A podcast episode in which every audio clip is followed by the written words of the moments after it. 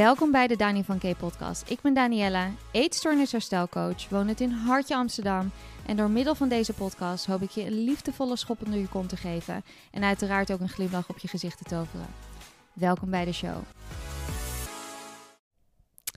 Hallo, hallo, hallo allemaal. Nou, zoals jullie aan mijn stem kunnen horen, aan deze ontzettende, heerlijke, nasale stem ben ik ziek. Zoals de rest van Nederland ben ik ook ziek geworden. Sterker nog, ik heb corona. Ja, ja, het is ongelooflijk. We zitten bijna in 2024 en corona gaat nog gewoon lekker de ronde door in whatever it is. Ehm, en ik had zoiets van, meid, neem nou gewoon een keer een pauze van die podcast. Maar ik had net weer besloten om de Nederlandse podcast op te nemen. En om de week om te nemen in ieder geval. Dus ik ben dan ook wel weer zo'n typetje die dan zegt van ja, weet je, dat, dat gaan we dan gewoon ook doen. Dus die van maandag, die staat ook alweer klaar. Ik had zelfs nog gezegd van misschien doe ik het niet, maar we doen het lekker wel. Dus bij deze. Ehm, nou, we gaan er gewoon, uh, we gaan er gewoon weer voor vandaag. Uh, jullie zullen het er mee moeten doen met deze stem. Het spijt me, maar het is niet anders. Heel Nederland is volgens mij ook omgevallen, want ik zie alleen maar mensen die ziek zijn. Uh, dus ja, ik ben niet de enige. Dat is, dat is een ding wat zeker is.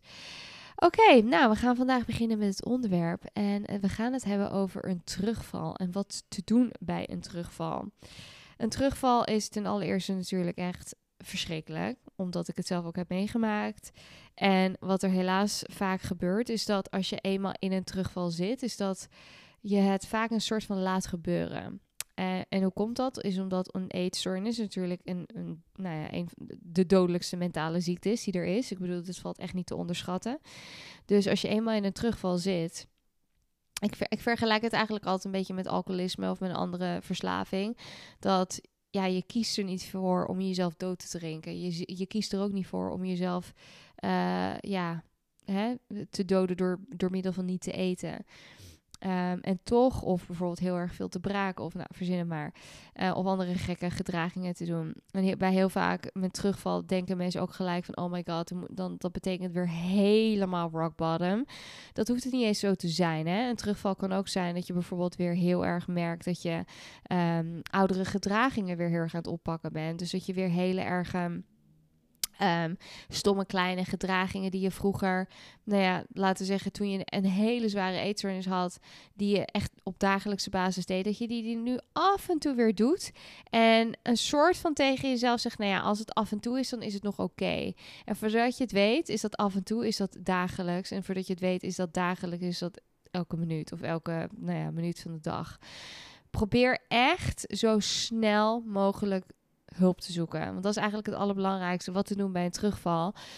Wat te doen bij een terugval? Ja, het is eigenlijk zo simpel als, als het maar klinkt. Maar dat is echt hulp zoeken en dan ook de juiste hulp. Want je kunt niet altijd de juiste hulp vinden, helaas. Dat is het nadeel van uh, ja, ook wel de GGZ. Ze kunnen hebben vaak wachtlijsten. En voordat, die, nou ja, voordat je aan de beurt bent, dan, dan is die terugval zo ernstig. En vaak is het natuurlijk ook vanwege de eetstoornis. Die zegt van, oh ja, nou ja, hè, dat is helemaal ideaal. Dan hebben we, hebben we de kans om nog erger terug te vallen. Want hoe dieper we zitten, hoe meer um, hulp we ook mogen verdienen. Hè, dat is echt zo'n typische, nou ja, irrationele eetstoornisgedachte. En dat is dus eigenlijk wat je moet gaan voorkomen. Je moet gaan voorkomen dat je voordat je echt, echt, echt er heel diep bij zit, dat je dan hulp gaat vragen. Van als je merkt, mm, begin nu weer wat gedachten te krijgen, begin nu eigenlijk weer wat oude gedragingen, die beginnen weer de, kop op te steken. Ik ga nu gewoon, weet je, ik ga die coach of die therapeut die ik ken, die ga ik eens even een berichtje sturen of een e-mailtje sturen. Want ik merk gewoon dat het. Um, Straks is het hek van de dam. Want jongens, het gaat echt heel snel. En ik ga hier ook helemaal niet heel veel woorden aan vuil maken. Want het ding met een terugval is, is dat, wat ik al eerder zei, een eetstoornis is zo'n geniepig iets. Een eetstoornis zal je altijd ervan overtuigen dat je nooit ziek genoeg bent. Dus dat het altijd erger kan. En zal dus ook wachten totdat je echt, echt, echt tot aan de grond zit. Voordat je pas hulp gaat vragen. Dat is altijd zo. Dus probeer even daaruit te stappen. Als jij momenteel in die situatie zit, probeer er even uit te stappen. En denk eens van, oké, stel nou dat, dat een vriend of een vriendin van mij in deze situatie zou zitten. Wat zou ik hun aanraden? Ik weet zeker dat jij het juiste antwoord hebt en dat jij het juiste advies hebt. Ga dat advies zelf aannemen. Ga nu in die pen klimmen, of het nou een e-mail is, of een, of een telefoonnummer, of een verzin het maar. Het kan je huisarts zijn, het kan iemand zijn, het kan je moeder zijn, een vriendin, wie dan ook, je partner. Van hey, luister, het gaat even niet lekker, kan je me helpen? En kan je me helpen kan betekenen dat jullie samen bijvoorbeeld naar een instelling gaan of samen naar die coach of naar die therapeut of naar die psycholoog of naar die psychiater of naar wie dan ook. En ja, ik weet dat er wachtlijsten zijn. Ik bedoel, ik zit, zit momenteel zelfs met een klein, nou ja, ik moet zeggen, mijn wachtlijsten vallen wel mee. Bij mij, worst case scenario, kan je, kan je altijd nog een single boost sessie afsluiten. Dus dat is eigenlijk ook wel heel fijn om een soort van kick in the butt te krijgen van, oh ja, oké, dit moet ik doen. Um, Sterker nog, ik heb heel veel cliënten die in, in het terugval zitten, die een single boost sessie inplannen, omdat ze dan weten, oké, dan kan ik in ieder geval iets op korte termijn krijgen.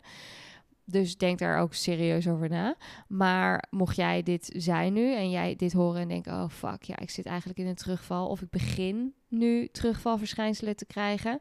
Dit zijn echt dingen, jongens, om heel serieus te nemen. Waarom?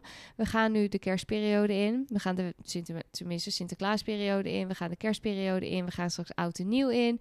Het nieuwe jaar. Het zijn hele tricky dagen. Dus de kans dat mensen het gevoel hebben om terug te willen vallen, kan best groot zijn. En weet je wat? Dat gevoel, dat mag er zijn. Alleen het ding is, je kunt er niet naar handelen. Alleen als je op een gegeven moment merkt dat die gevoelens sterker en sterker en sterker worden. Op een gegeven moment kan het gevoel zo sterk worden dat je het misschien gevoel hebt van ik moet er naar handelen. Het is een soort van itch die je echt moet gaan scratchen. Een jeuk die je echt moet gaan waar je aan moet gaan krabben. Nou, dat mag je dus echt niet gaan doen. Want wat ik al zei, dan is echt het hek van de dam. Want het gaat heel snel met een terugval.